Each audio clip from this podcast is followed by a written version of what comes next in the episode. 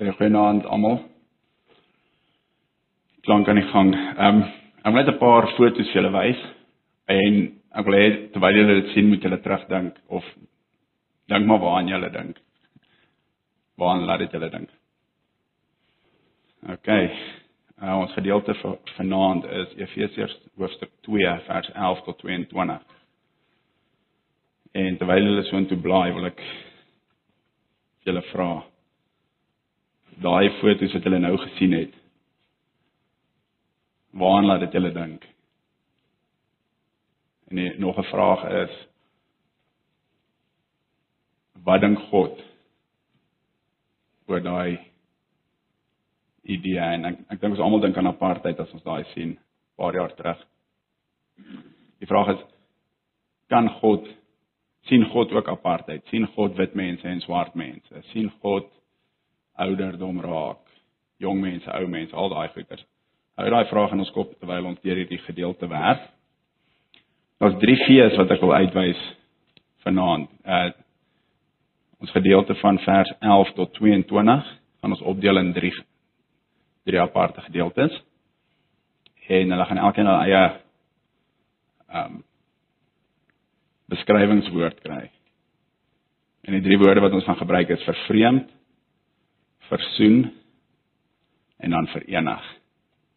En dit sal nou meer sin maak as ons deur die gedeelte werk. Die eerste V wat ons nou kyk is vervreemd. Vervreemd. Dit is die toestand wat die heidene hulle self in bevind.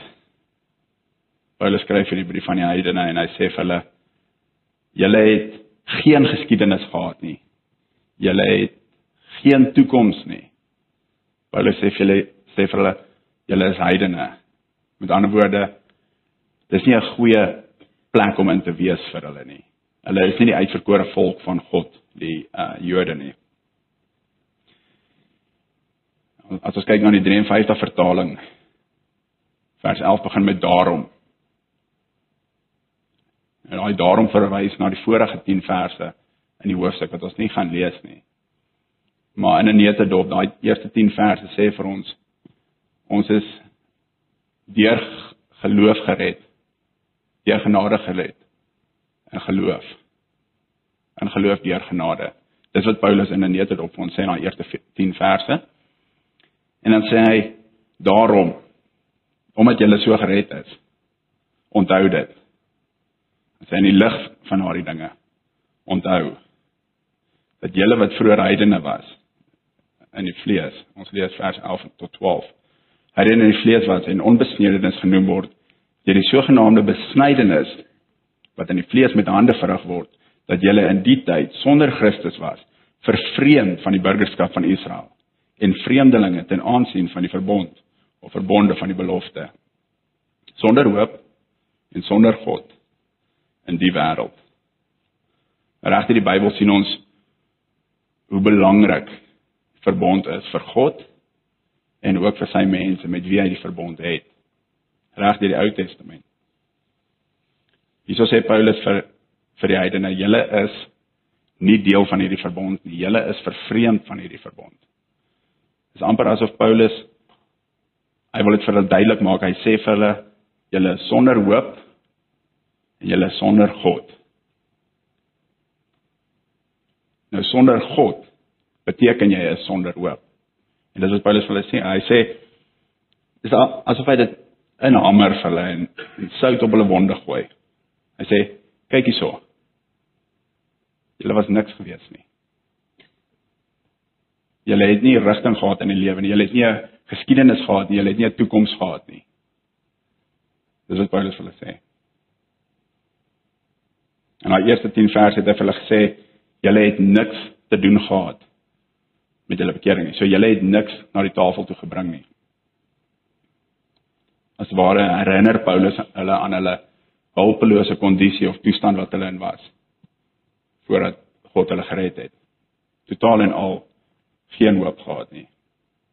Nou in daai eerste twee verse wat ons gelees het nou net, is daar sewe keer wat Paulus vir hulle sê hy hy vat hulle as te ware agter die nek en hy en hy ruk hulle en hy sê vir hulle kyk hierso. Julle is heidene. Julle is sonder Christus.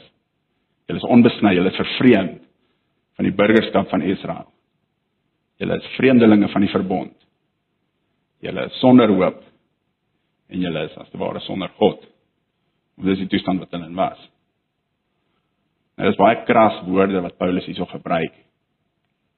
Ek weet nie of ons kan regtig waar besef hoe die heidene gevoel het toe hulle hierdie brief gelees het nie.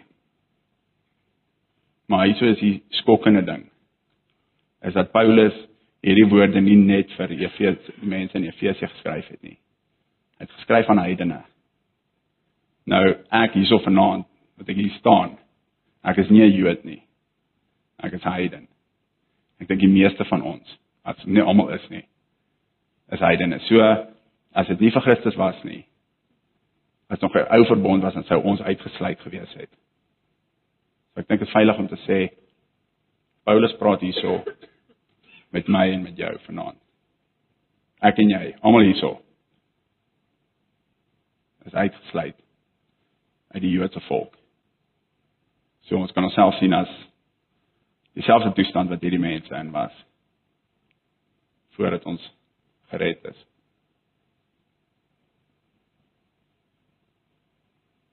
Nou sien ons Paulus sê vir ons ons is die wat vervreemd was.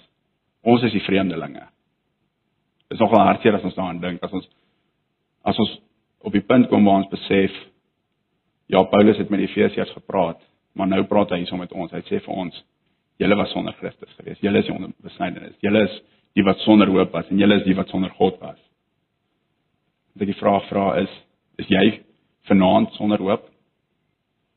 Is jou hoop in God of is jy sonder hoop?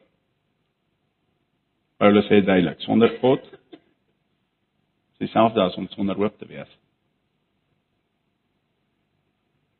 Ons kyk na ander mense wat verlore is of ons kyk na iemand wat verslaaf is aan aan dwelms of alkohol of of in 'n toestand is wat in 'n posisie is wat hulle hulle self nie kan red nie. Hulle kan hulle self nie daar uithaal nie. En ons kyk en ons sien ag, dit is hartseer om iemand so te sien. En dis dieselfde toestand wat ons in was. Ons is ook in daai posisie gewees waar ons nie onsself kon kon red nie. Ons het twee weke terug daarna gekyk die werk van God die Vader, God die Seun en God die Heilige Gees. Dis die prentjie wat ek wil skets is 'n persoon wat in die middel van die see is. In die middel van die see. Daar's 'n reis met 'n boot weg van land af. En hy het niks om hom nie. Absoluut niks nie. En hy kom 'n boot verby. Dit is asof die ou die boot ignoreer en sê ek gaan swem tot by tot by die strand of tot by die naaste land. Dis daai toestand wat ons in was.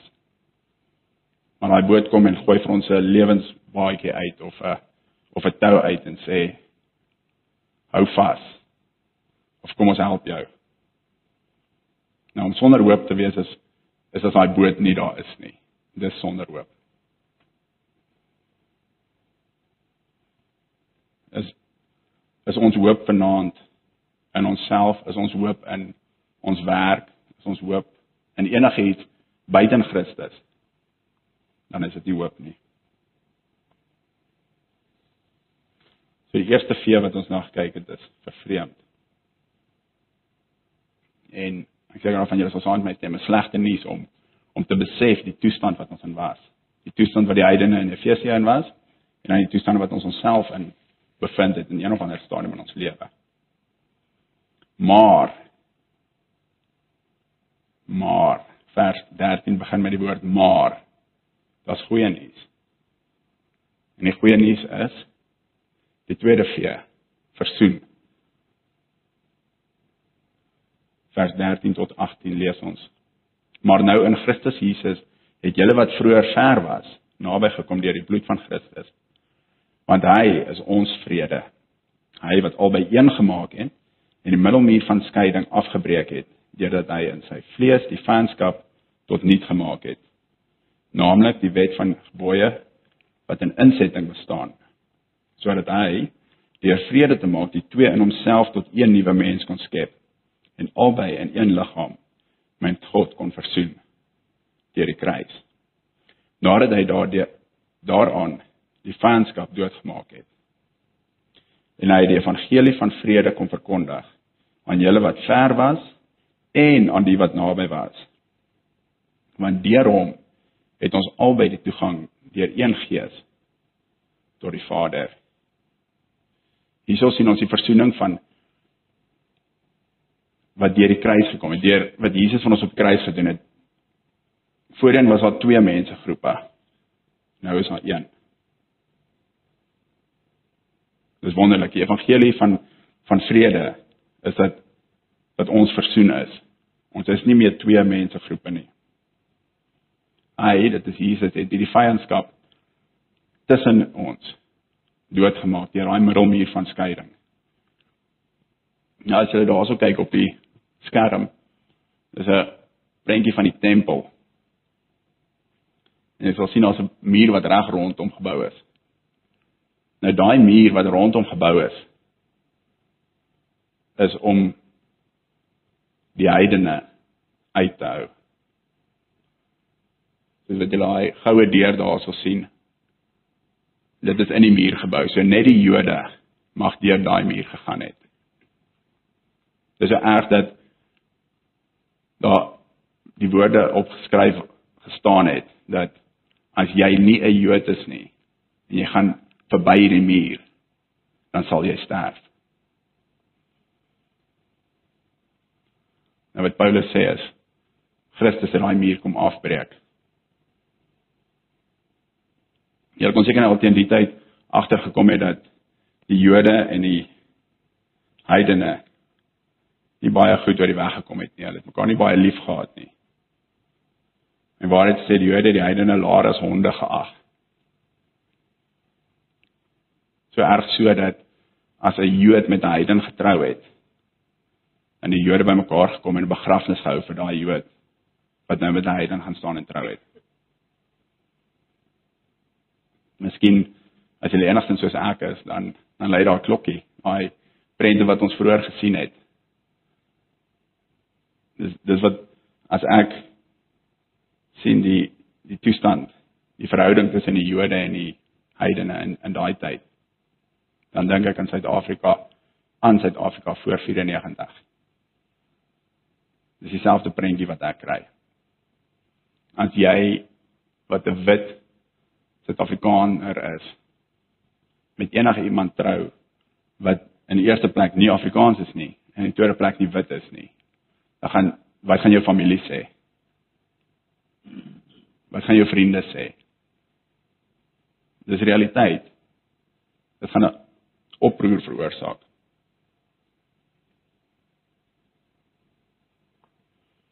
Dit is ons sondige natuur. Daai wrywing wat veroorsaak word, dis ons sondige natuur. Ons kyk na enige ander mensegroep, enige etniese groep en ons sê dadelik jy lyk nie soos ek nie of jy praat nie soos ek nie. En as ons dit sien of sê dadelik sonder dat ons dit agterkom stel ons onsself hoër as die ander persoon as die ander etniese groep. Ons kom nie eers altyd agter nie. Maar as ons iemand anders sien dan 'n ander etniese groep, 'n ander mensgroep, dan sien ons onsself as die norm. Ons sê jy doen nie dit soos ek nie of jy eet nie dieselfde manier wat ek eet nie. Wat ook al die geval mag wees. En daarom sien ek myself as die norm. Ons sien dit in in sendelinge wat uitgaan en veral die westerse sendelinge wat uitgaan en mense probeer eers soos hulle goeders doen voordat hulle evangelie gee. Hoekom want hulle sien hulle eie manier van dinge doen as reg. sien onsself as die norm. Dis ons sondige natuur. Maar die goeie nuus is dat Jesus deur die kruis ons versoen het. Hy het daardie middelmuur, daai muur wat ons net gesien het van die tempel, hy het daai afgebreek. Daar is nie meer 'n muur wat die Jood en die heiden van mekaar afskei nie. Daai muur wat die wat die Jood en die heiden geskei het, het meer as dit gedoen. Hy het die heiden weghou van God af ook. Nou, as jy 'n klein prentjie van die toestand in die begin van die brief of wat ons net op onsself geskets het. God met 'n verhouding het 'n verhouding met die Jode. Ek het 'n vraagteken daar gesit want ons weet dat dit nie 'n perfekte verhouding was nie. God het nie 'n verhouding met die heidene gehad nie. Hulle was uitgesluit uit die tempel uit. Hulle kon nie offergawe bring nie. Hulle kon nie na God toe kom as hulle 'n heiden is nie. En dan soos ons afgelei het glad nie 'n verhouding tussen die heidene en die Jode nie. Daar is die volgende prentjie. God wel in verhouding met die Jode, God in verhouding met die heidene en dan heiden verhouding met Jood. Maar dit is nie wat Paulus hierso sê nie. Hy sê nie nee, hy sê nie Jode julle het 'n verhouding met God en heidene julle het 'n verhouding met God nie. En en ook 'n verhouding met mekaar nie. Nee. Wat Paulus vir hulle sê is dit. Hy sê julle is 'n nuwe mens. Dis nie meer Jood en heiden nie. Dis nou Christen. So is een nuwe mens. Dis nie twee mense wat nou oor die weg kom met mekaar nie. Dis 'n nuwe mens of jy besny is of nie, of jy Jood is of jy heiden is. Of jy ver was en of jy naby was. Dit maak nie meer saak nie. Dis nou Christen. Dit laat my dink aan die Karibeker rugby, die hele seisoen wat ons sien is sien die WP speel teen die Sharks. En hulle stamp koppe teen mekaar. Blou Bulle speel teen Natal of wie ook al. In die hele seisoen sien ons hulle teen mekaar. En dan as die Karibeker verby is, dan kry sekere van die spelers 'n springbok dry. Nou of jy 'n haai was en of jy WP, jy bil, maak nie saak nie, jy's nou 'n springbok. So almal het nou daai groen dry aan. Nou stamp hulle nie meer koppe teen mekaar nie, hulle is nou dieselfde in dieselfde span. Dis 'n nuwe span. En net so word ons nie meer gesien as heidene of Jode nie. Maar ons word nou gesien as Christen. Hierdie twee mensegroepe, hierdie verskillende mensegroepe word een in Christus. Luister na die woorde van Galasiërs 3 vers 28. Daar is nie meer Jood of Griek nie. Met ander woorde, daar is nie meer bil of weep nie. Daar is nie meer slaaf of vryman nie. Daar is nie meer haai en leeu Daar is nie meer man en vrou nie. Daar is nie meer cheetah en 'n luiperd nie. Want julle is almal een in Christus Jesus. Julle is nou springbokke met ander woorde. Julle is nie meer Jood nie. Nie meer heiden nie. As jy in Jesus is, is jy nou 'n Christen. Wat presies beteken dit vir ons? Wat behels dit? Die derde vee wat ons nog gaan kyk is die antwoord. Dit is verenig. Ons was vervreemd, dis ons versoen en nou is ons verenig. Vers 19 tot 22. So is julle dan nie meer vreemdelinge en bywoners nie, maar medeburgers van die heiliges en huisgenote of lede van die huisgesin van God. Gebou op die fondament van die apostels en profete, terwyl Jesus Christus self die hoeksteen is en wie die hele gebou goed saamgevoeg verrys tot 'n heilige tempel in die Here in wie julle ook saam opgebou word tot 'n woning van God in die Gees. Hierdie gedeelte wat ons nou gelees het, Paulus gebruik daai paar verse en hy gee vir ons drie illustrasies daarso. Baie illustrasies. Die eerste ene is die van medeburgers. Die tweede een is die van huisgenote. So die medeburgers is van 'n stad of van 'n land. Die huisgenote beteken is deel van 'n huisgesin nou. En dan die derde ene wat die klimaks is. Sê julle stene wat 'n gebou vorm of stene wat die tempel vorm. En die een volg op die ander soos ek gesê het en dan die laaste in die klimaks. Die eerste een is burgerskap. Nou ons as Afrikaners is nogal groot op burgerskap. Maar ek dink nie dit kom naby aan die eerste eeuse Joodse volk nie. Burgerskap of om te behoort aan die Joodse volk nie.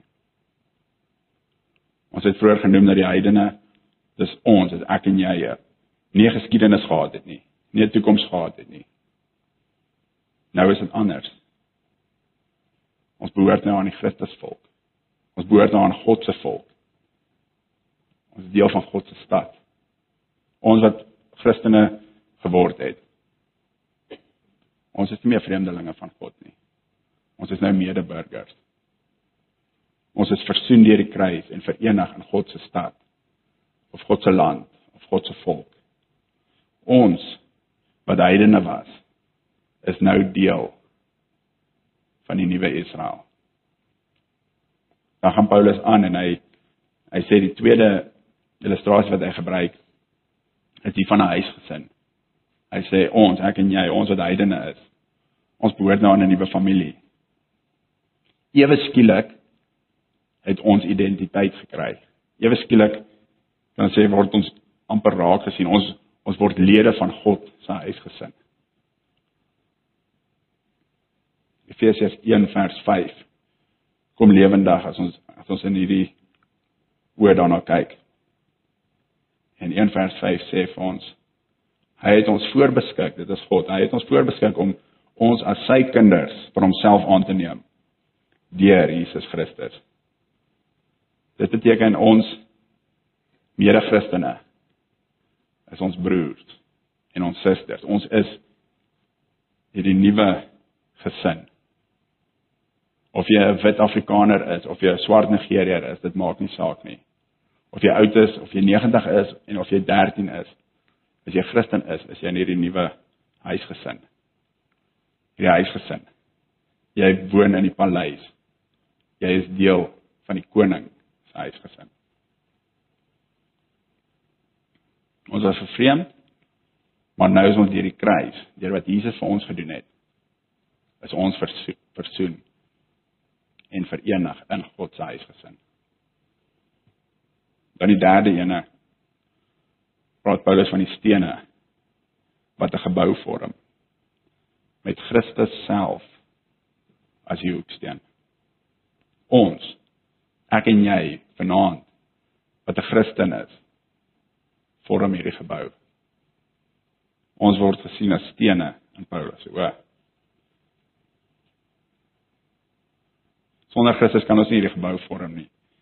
Die bou die gebou word gebou op die fondament, op die fondasie van die apostels en die profete. Nou hierdie fondament, fondasie is die woord van God wat God vir ons gegee deur die apostels en die profete.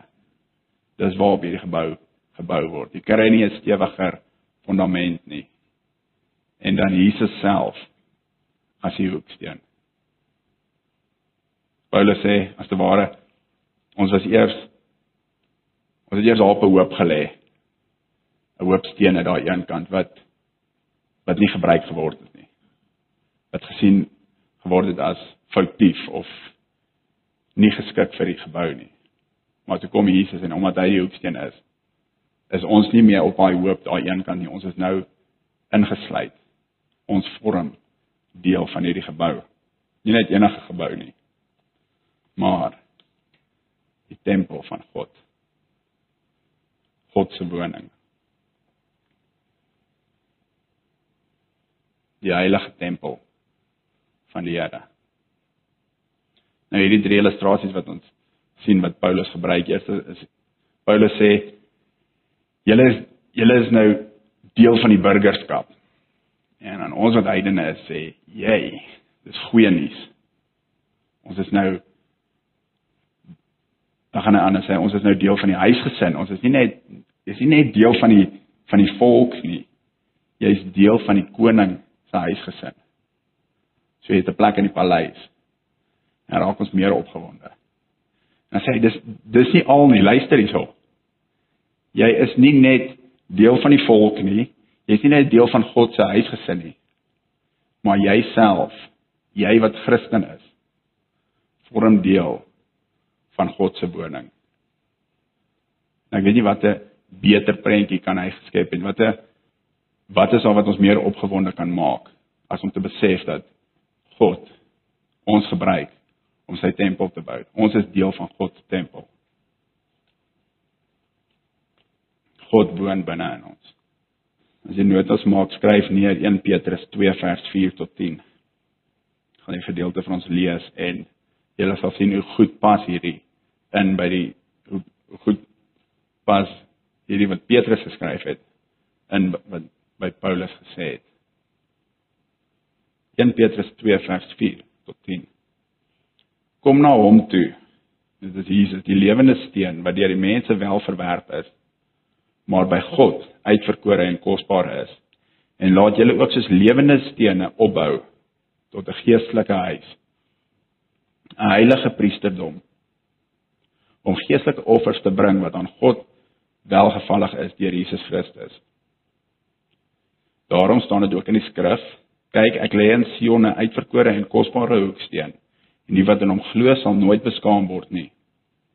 Vir julle dan wat glo, is hy kosbaar maar die wat ongelowig is maar vir die ongelowiges geld die woord die steen wat die bouers verwerp het het hy ook steen geword en 'n steen dis aanstoot en 'n rots van struikeling vir die wat hulle daarteen staan omdat hulle aan die woord om ongehoorsaam is waarvoor hulle ook bestem is maar julle is uitverkore geslag 'n koninklike priesterdom 'n heilige volk, 'n volk as eiendom verkry om te verkondig die deugde van hom wat julle uit die duisternis geroep het tot sy wonderbare lig. Julle wat vroeër geen volk was nie, maar nou die volk van God is.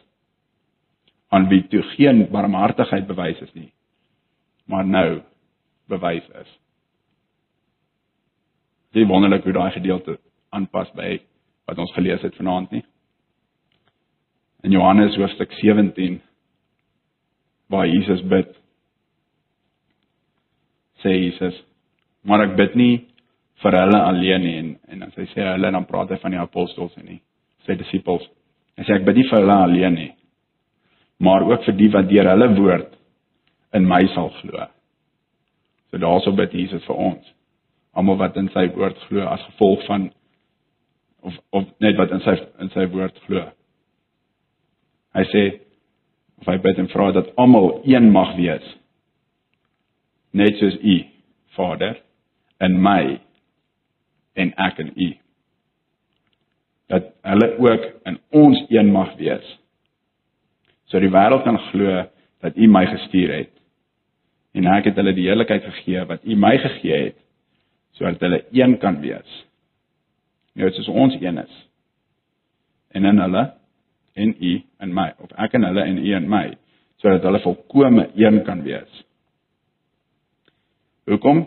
Sodat die wêreld kan weet dat u my gestuur het en hulle liefgehad het net soos u my liefgehad het. Was dit nie mooi in by hierdie gedeelte en ook die gedeelte wat ons vanoggend en laasweek Sondag gehoor het nie? Wat beteken dit vir ons hier vandag? Beteken reik uit na jou medemens, reik uit na ander mense in die kerk, reik uit na mense in jou Bybelstudiegroep, mense in jou omgewing. Moenie 'n velkleur, moenie 'n ouderdom, moenie 'n aksent, moenie 'n geskiedenis of 'n agtergrond raak sien. As iemand 'n Christen is nie. God sien dit nie raak nie. God sien ons as hierdie nuwe mens, hierdie een mens, Christen. Hy sien jou nie meer as daai sondaar wat jy was nie. Hy sien jou nie raak vir die goed wat jy verkeerd gedoen het nie. Moet ons nie ons medemens ons ons medebroers en susters met dieselfde op dieselfde manier sien nie. Moet ons nie ons medebroers en susters lief hê soos ons vanoggend gehoor het, soos wat Jesus ons liefgehad het nie of liefhet nie verskillende ouderdomsgroepe, verskillende nasionaliteite, verskillende agtergrond, verskillende sosiale sirkels. Dit is goed en wel. Maar moenie dat ons keer om met iemand te gaan praat of om iemand oor te nooi of iemand te deel nie vir al wat hulle Christen is. Want as jy Christen is, dan is jy 'n nuwe mens. Ons is nie meer wie ook al jy is, wie ook al jy gebore is nie. Jy is 'n nuwe mens. Dis daai prentjie, ons is nie meer Jood of heiden nie. Ons is nou Christen. Een nuwe mens. En begin dit ons vra wat wat sal ons sê sien God in haar apartheid foto's. Wat is wat is dit wat God raak sien? En is hartseer want die ding is God sien nie velkleur raak nie. God sien nie jou agtergrond raak nie. God sien nie jou nasionaliteit of jou aksent of jou ouderdom of enigiets soos dit raak nie. En en wat ek daarmee sê is nie dat ons wat jong mense is, die ouer mense nie moet respekteer en daai klas of nie daar's 'n plek daarvoor. Maar ons is een mens. Ons moet mekaar sien as een mens. Christen. Dis hoe God ons sien. En dis hoekom as ons my foto's wat ons net nou gesien het, as ons daaraan dink, dan dink ons aan twee mense groepe. Christene in die een en Christene in die ander wat teen mekaar beklei. God sien nie daai velkleur nie. So wat God sien is sy eie kinders wat teen mekaar beklei, wat teen mekaar is, wat nie in dieselfde rigting beweeg nie. Wat soos ons vanoggend gesien het, wat die twee gesigte weg van mekaar af is. Ons kyk nie na mekaar toe nie. Dis wat God sien. As ons velkleur of ouderdom of agtergrond raak sien.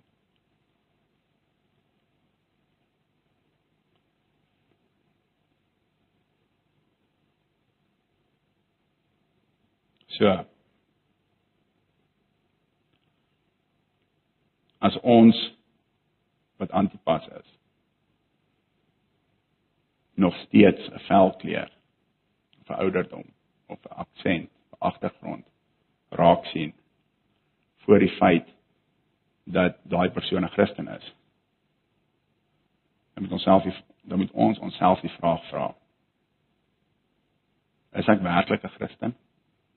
Is ek deel van die nuwe mensdom? die nuwe groep mense wat God geskep het deur die kruis, deur Jesus. Is dit nie hoe ons ons broers en susters moet sien nie? As Christen eerste. Een mens. Hoe kry jy een mens deur liefde vir mekaar? Jesus liefde, soos wat ons ook vanoggend gehoor het. Kom ons bid. Here, U het ons wat vervreemd was versoen deur U seun sodat ons met U verenig kan wees. Help ons om U werk wat U gedoen het vir ons nie ligtelik op te vat nie, maar dat ons as 'n kerk, as Christene hier in Pretoria in Suid-Afrika in die wêreld mekaar sal sien as een nuwe mens. Sodat die wêreld daarby te kan sien hoe lief U ons gehad het of hoe lief U ons het en dat daardie liefde wat U vir ons het ook 'n impak met sal hê op die liefde wat ons vir mekaar het. Dankie dat U ons deel gemaak het van U volk. Dankie dat U ons deel gemaak het van die huisgesin. Here, dankie dat U ons die tempel gemaak het. Dankie dat U dit goed gedink het om ons wat sondaars was te red en dan ook U woning in ons te skep. Here, ons gebed is dat U ons opnuut sal vul met U Gees en ons sal lei elke dag. En elke liewe ding wat ons doen. Here, dat ons U sal verheerlik. As ons mekaar oor die weg sal kom, ons nou verskillende ouderdom of velkleur of agtergrond of aksent wat ook al, Here, dat dit nie in die pad sal staan nie. Want ons sal besef dat ons Christene is en dit is al wat saak maak. Here baie dankie vir die genade in ons lewe. Ons bid en vra dat U sal aanhou om deur U woord met ons te praat. Deur hierdie week, deur hierdie jaar. Help ons asseblief Here om nie gewoond te raak aan die woord in die sin dat ons nie luister wat U van ons sê nie. En ons bid en vra dat U in ons harte sal werk en ons harte sal verander. Sodat op die einde van die dag of dit nou gemaklik is vir ons of nie, Here, dat ons U sal verheerlik.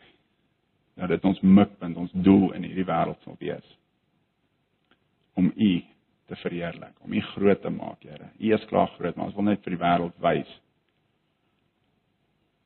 hoe wonderlik U is. Ons weet ons kan dit doen deur die liefde vir mekaar te toon. Ons bid en vra Here dat U van ons daai liefde sal gee en dat ons regtig vir mekaar sal lief hê. Here Jesus, soos wat U ons liefgehad het. En ons bid ook en vra dat U ons sal help dat ons mekaar sal raak sien deur U oë. Dat ons mekaar sal raak sien Here soos wat U ons sien as een mens, as Christen. Asseblief. Ons loof en ons prys U naam vir vir U woord en dat ons kan tyd spandeer om daai te leer om U meer beter te leer ken. Ons bid en vra dat U in ons harte sal werk en ons sal verander. In Jesus se kosbare naam bid ons dit. Amen. OK, en as jy nie gewoond is daaraan nie, ons vra nou vra of as daar enigiets is wat jy wil sê in verband met die gedeelte wat ons vanaand nog gekyk het. Steek asseblief jou hand op en dan kan ons jou die mikrofoon aangee. As daar enigiets is wat jy wil sê in lig van die gedeelte wat ons vanaand oor gepraat het. Ken dit hierdie gedeelte Oeps. Ja, hier hierdie gedeelte vir die vir die Jode van vandag in, in watter kategorie hulle val onder die heidene nou waar die hedendaagse Jode. Hulle uh hulle val onder onder die kategorie heidene as ek reg is. Waar waar sien jy hulle? Ja, so dit is nie meer Jood of of heiden nie. Dit is nie meer Jood of nie Jood nie. Dit is nou Christen. So as jy nie Christen is nie, is jy of jy nou Jood is of nie, dan is jy nie deel van die volk nie. Dan is jy nie meer deel van God se volk nie dis 'n moeilike begrip vir die Jode wat die wat nie in Jesus glo nie. Want hulle voel hulle is uitgekies in die Ou Testament tyd en hulle wag nog steeds vir die Messias. So hulle sien nie Jesus as die Messias nie. En as ek kom dis nie dat hulle nie gered kan word nie, dit nie dat hulle nie Christen kan word nie. Maar om Christen te wees beteken jy is deel van die nuwe volk. Nuwe verbond, die Nuwe Testamentiese verbond. Of jy Jood is of nie, as jy nie Christen is nie, is jy nie deel daarvan nie. Thomas. Sy nuwe naam. Die dubbele persoonlikheid. Ehm um, ek wil net sê dat daar in Romeine 11 geskryf staan ehm um, dat ons wat heidene is ingeënt word op hierdie ehm um, ware olyfboom of ehm um, uh, ons sien ook uh, in Johannes 15 dat Jesus sê hy is die ware wingerdstok. In Romeine 11 sê dat ons wilde olyftakke is wat ingeënt is op die ware olyfboom en dat die Israeliete wat uh, fisiese afstammelinge is, kinders van Abraham is hulle is ehm um, natuurlike olyftakke, maar dat die wat afgesny was, was die wat nie geglo het nie. So ehm um, dit gaan dit kom weer terug op dit wat Paulus gesê het, dit gaan uh oor geloof in Christus of jy gaan ingeënt word by God se volk. Dit gaan nie meer oor besnydenis of onbesnydenis nie. Ehm um, maar dat God het wel nie nou reken nie sy volk as heidene nie, want hy sê tog dat hy 'n plan vir hulle het en hulle is vir 'n doel is hulle afgekap sodat ons ingeënt kan word. Ehm um, en daar gaan 'n dag kom wat hulle almal weer ingeënt gaan word. So God is nie klaar met die volk Israel nie. Ehm um, maar tot tot en met die volheid van die heidene nie ingekom het nie. Is hulle ehm um, amper vervloek ter wille van ons, maar die volheid van hulle as hulle weer lewendig gaan word. Ehm um, soos wat Paulus daarso sê, dit gaan net gaan net awesome wees. So um, ek wil net ietsie dalk daarop gekom het dat God nie, as ek dit reg verstaan, nie klaar is met sy volk die Israeliete nie. Ehm um, die fisiese afstammelinge van Abraham nie, maar tog is die die toegang is nie besnedenis nie, is geloof al is hulle besny. So Ja. ehm um, daar's nie dit is nou nie meer weggedoen met die Israeliete nie as ek dit reg verstaan. Soos fisiese Jode nie. Daar's nog steeds Jode. Ja, dat is nog steeds en ek weet in Engeland is daar 'n groep Jews for Jesus wat nogal interessante groep is, is is Jode wat in Jesus glo. En hulle probeer die ander Jode bereik deur die evangelie te verkondig. Ja, soos daar's net een weg en dit is deur Jesus of jy nou deel van Israel of of of jy nou Jood is of nie. As jy nie deur Jesus kom nie dan is daar nie vir jou weg. Dis die Nuwe Testament, dis die nuwe verbond. iemand vra as jy jy tevrede met jou ja. ja, ek dink net die die die ja, ons kan nie die Jode Ek wil net sê ek dink ons uh, ons gebruik heidene miskien 'n bietjie op 'n ander manier. Ons praat oor heidene as as nie Christene. In in in die Bybel is heidene meer 'n etniese groep amper teenoor teenoor Christene. So ek dink ons, ons ons kan nie nou sê die Jode is heidene nie. Hulle is Jode, maar hulle is nie Christene nie. Ja. So ja. Hulle is verlore. Dis verlore ja, maar dis nie heidene. Volgens die Bybel se kategorie van horror het vang nie. Vol die volmaking.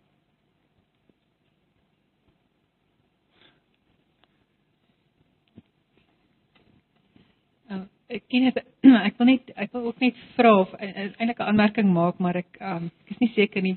As ons as ons luister na wat ons vanaand en vanoggend gehoor het um is die die hoofdoel ja is nie net dink ek om om om daai twee groepe saam te kry en dat ons een word in Christus nie. Ek dink dit hierdie wat jy in Petrus gelees het is my so mooi wat hy sê um in vers 5 dat ons na hom toe of vers 4 en 5 ons moet na hom toe kom. Ons is nou hierdie een een groep. Um maar ons moet ons laat opbou soos lewende stene uh tot 'n geestelike huis. So ons is nou hierdie huis om op die ou en geestelike offers te bring wat aan God welgevallig is deur Jesus Christus. Um en dan ook in vers 9 wat hy sê om julle is 'n uitverkore geslag en dan praat hy van ons as 'n koninklike priesterdom 'n volk as eiendom verkry om te verkondig die deugde van hom wat julle uit die duisternis geroep het tot sy wonderbare lig. So ja, dis dis amper my meer as dit en in, in Efesiërs uh, sê hy ook um, in Efesiërs 1 ons is geskape tot goeie werke wat God voorberei. So ek wil net altyd hoe bring mens daai daai twee bymekaar? Nee, is dit dis alles saam een eenheid dan of nie? Die feit dat ons tot goeie werke geskape is om te verkondig die deugde van Christus, maar ons ja, ons doelwit is ook om een om een groep te om om Christus te ken, om deur hom een groep te word, nee. Ja, ek dink daai goeie werke sluit aan by die liefde vir mekaar wat wat ons vanoggend van gehoor het. En en hoe ons dit dit reg kry is om hierdie een nuwe mens te wees, om 'n Christen te wees, deur wat Jesus vir ons gedoen het. Ons kan dit nie ons eie doen nie. So ek dink as mense net in daai lig altyd raak sien. Dis in die goeie werke doen ons ja, maar dit is omdat Jesus op die kruis gesterf het wat ons dit kan doen. Dis omdat God voor die grondlegging van die wêreld dit vir ons wat sê Efesiërs 2 vers 10 9 wat sê daai goeie werke wat in ons ek ken die Engelse vertaling maar ek ken die Afrikaanse vertaling nie wat in ons wat vir ons voorberei is. Ja, dit so dis nie dis nog steeds nie ons werk. As ons as ons terug staan dan besef ons dit is God wat deur ons werk. Jesus wat deur ons werk. Ja, ek dink ek ek probeer net ek dink net terug aan um, ek dink toe John Piper ook hier was of of iemand anders wat ons gehoor het wat sê ons ek dink ons as Christene voel ook baie keer ons moet net in die hemel kom. Nee, dis amper ons hoofdoelwit en ek dink ons mis die vreugde baie keer daarvan ook om om hierdie deugde te verkondig van hom en dit te deel en dat dit is baie meer as die dit, jy weet. Ja, en dit is ek bedoel ek ons weet as ons die evangelie deel aan ons mense, dit is nie 'n health, wealth and prosperity nie. Dit beteken nie as jy 'n Christen word gaan alles goed gaan nie. Maar dit is dit is 'n goeie ervaring. Dit is 'n goeie ding om 'n Christen te wees. Dit is ek ek kan persoonlik sê dat die meerderheid van my Christelike lewe was 'n plesier geweest. En miskien gaan mense sê wel as jy dit geniet, dan beteken dit jy lewe nie soos 'n Christen moet lewe nie. Party mense sal dalk so sê. Ek stem nie saam daarmee. Ek dink ons die prentjie wat ons vanaand nog kyk, dit is is 'n kerk wat verskillende mense is, verskillende ouderdomsgroepe, verskillende nasionaliteite, wat ook al. Dis hierdie klomp mense en dis net kom saam om die woord van God te hoor. Dit is natuurlik dit, maar dis daai gemeenskap met mekaar, daai om te wys dat ons wat heeltemal verskillende agtergronde het, kan as gevolg van wat Christus gedoen het, kan ons saam tyd geniet.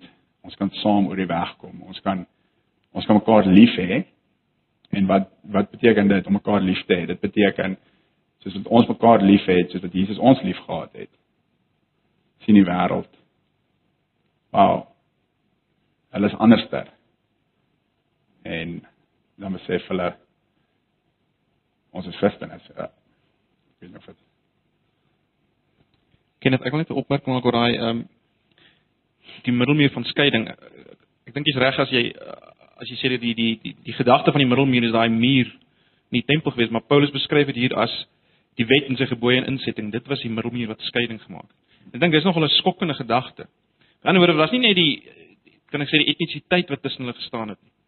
Dis juis die godsdienstige dinge wat wat 'n vyandskap gemaak het tussen Jood en Heiden. En as ons dit deurtrek na ons, met ander woorde, dit is juis godsdiens wees wat wat ehm uh, 'n middelmuur van skeiding maak tussen tussen ons. En dit is 'n geweldige skokkende gedagte waarop mense kan ons kan baie daaroor sê. En dis die vyandskap wat Jesus tot niet gemaak het. Dis juis die wet en sy gebooie en sy insettinge. Dit is juis dit wat ek dink dit was die skokkende ding geweest want dit is vir God se volk gegee. Die wet en die gebooie en insettinge. En en juis dit het nou die skeidsmuur geword die middelmuur van skeiding, die vyandskap geword wat afgebreek moes word deur die kruis. Hm. En uh ja, ek dink net dit is 'n geweldige gedagte waaroor ou baie kan dink. En ek dink aan ons as ons mense dit nou wil van toepassing maak. Uh om om 'n godsdienst te hê sonder Jesus kan weer 'n vyandskap kan kan weer beteken dat jy 'n middelmuur oprig uh tussen mekaar. Wat baie goed lyk, want is ja. godsdienstig. maar dit is juis wat Jesus kom tot niet maak het. Uh gebooie, insettinge, wette, reëls, regulasies. Het ek om dit nuut maak sodat ons in Jesus een kan wees. En ek dink ja, dit is iets om om regtig oor te dink. Dit het my net nou weer getref toe ek weer na gekyk het. Dit is geweldig. Dis die vyandskap wat dit tot nuut gemaak. So ek wil maar net daai opmerking maak. Ja, as jy wat die vroeër genoem het van die daai werk, daai goeie werk. Dit is goeie werke, ja, maar as dit nie deur Jesus kom nie, as dit nie deur die kruis is nie, dan dan beteken dit niks nie. Dan is dit eintlik die die ding wat ons van mekaar af weghou. Wil jy sê? Wil jy vra? Wil jy liedjie sing? Enige iemand nog iets? Ons het laasweek net net vanaf vir die wat nou nie was laasweek nie. Dit was baie klein groepie gewees laasweek en het ons besluit om af onder te gaan en te gaan koffie drink en te gesels oor laas Sondagoggend se preek en dit was baie lekker geweest. Ek persoonlik het baie geleer en ek dink ons het 'n paar vrae uitgegooi en bietjie gesels oor wat beteken dit om mekaar lief te hê soos Jesus ons liefgehad het. En ek dink ons het laasweek maar net vlugtig gesê dit hoe pas ons dit toe? Hoe pas ons daai liefde toe? Net om ons onsself te herinner en die wat nou nie was net in te lig hoe ons daai liefde toepas is om uit te reik na mense in die gemeente eerstens ons eie broers en susters en om my verhoudings op te bou met mekaar en nooi iemand oor vir 'n ete byvoorbeeld of wat ook al die geval mag wees. Maar net om praktiese dinge te doen om my liefde te wys en om met mense te praat en te sê hoor hierso is daar iets wat jou pla of weet dat jy enigstyd na my toe kan kom en enigiets met my kan deel? Want baie keer is daar behoeftes in ons gemeente en mense hou dit vir hulle self. Maar ons het ons het ook gesels en gesê dat as jy daai behoeftes deel met iemand dan gee jy daai ander persoon 'n geleentheid om jou behoeftes of jou swaar kry voor die Here te bring en soveel keer is dit 'n 'n seëning vir ons om vir iemand te bid en dan te sien hoe God daai persoon help deur wat se manier ook al of dit nou deur die kerk self is wat ons ook half agtergekom het dat dit eintlik die manier is die eerste manier om te werk is dat God ons gebruik in ons gemeente om uit te reik in ons gemeente om mense te help wat in 'n nood is, in 'n slegte posisie, iemand wat swaar kry. Moenie net sê ek gaan vir jou bid nie en dan vergeet jy dalk selfs daarvan. Gaan gesels met daai persoon. Help daai persoon as jy kan. Ek bedoel, dis hoekom ons hier is. Ons is 'n hierdie nuwe mens, ons is hierdie nuwe Christen. Ons is 'n familie, ons is 'n huisgesin. Ons maak die tempel van God op. Ek bedoel as iemand in jou huisgesin honger is, gaan jy net sê, "Wel, gaan slaap nou maar." Nee, jy gaan vir daai persoon kos bring of wat ook by geval mag wees. So die rede hoekom ek dit noem is maar net dat ons moet prakties dink oor oor die dinge wat ons hoor by die kerk. Oor die dinge wat ons lees in die Bybel. Dat ons nie net dit moet verdoof nie. Ons moet nie net iets lees soos dat ons een nuwe mens is, dat ons familie is. En ons stap hier weg en ons sien mekaar nie as familie nie. Ons sien nie mekaar as 'n huisgesin nie. So as maar net as, as ons maar net kan onthou hierdie week en en vorentoe dat dat ons broers en susters is. Ons is 'n gesin. Ons is deel van God se gesin. Nie enige gesin nie, die koning se gesin. Kom bid en dan kan ons afgaan vir koffie. Here ons dankie vir u woord.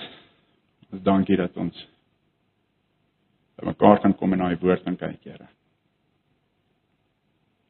Ons bid en vra dat u sal toelaat dat u woord sal werk in ons harte, in ons gemeente, in ons dorp, in ons stad, in ons land, Here. Ons gebed is dat u ons sal verander deur u woord. En dat dit dat u dit sal doen sodat u sal goed lyk daardeur. Sodat u verheerlik sal word daardeur. Ons bid en vra vir die mense in ons eie gemeente wat swaar kry, die mense wat dalk hartseer is, die mense wat dalk in nood is, Here. Ons bid en vra dat daai mense dit nie sal stilhou nie. Dat hulle dit sal deel onder onder die gemeente, Here. Dat ons dit voor U voor die voete sal kan kom neerlê in gebed. Here, ons bid en vra dat U ons sal help dat ons as antipassers, ons as Christene sal optree soos 'n huisgesin. Soos broers en susters. Hierdie nuwe volk wat U gestig het, hierdie nuwe mensegroep wat U gemaak het, Here, deur die kruis. Dankie daarvoor. Dankie dat ons kan deel hê daarvan, kan deel wees daarvan. Ons bid en vra Here dat as daar iemand is vanaand wat nog nie deel is daarvan nie, hierso. Wil Here werk in hulle harte. Gebruik ons liefde vir mekaar. Ons liefde vir ons medebroers, medesusters. Om my harte te verander asseblief Here Jesus. Ons loof en ons prys U naam vir wat U vir ons gedoen het. Halleluja Jesus. Amen.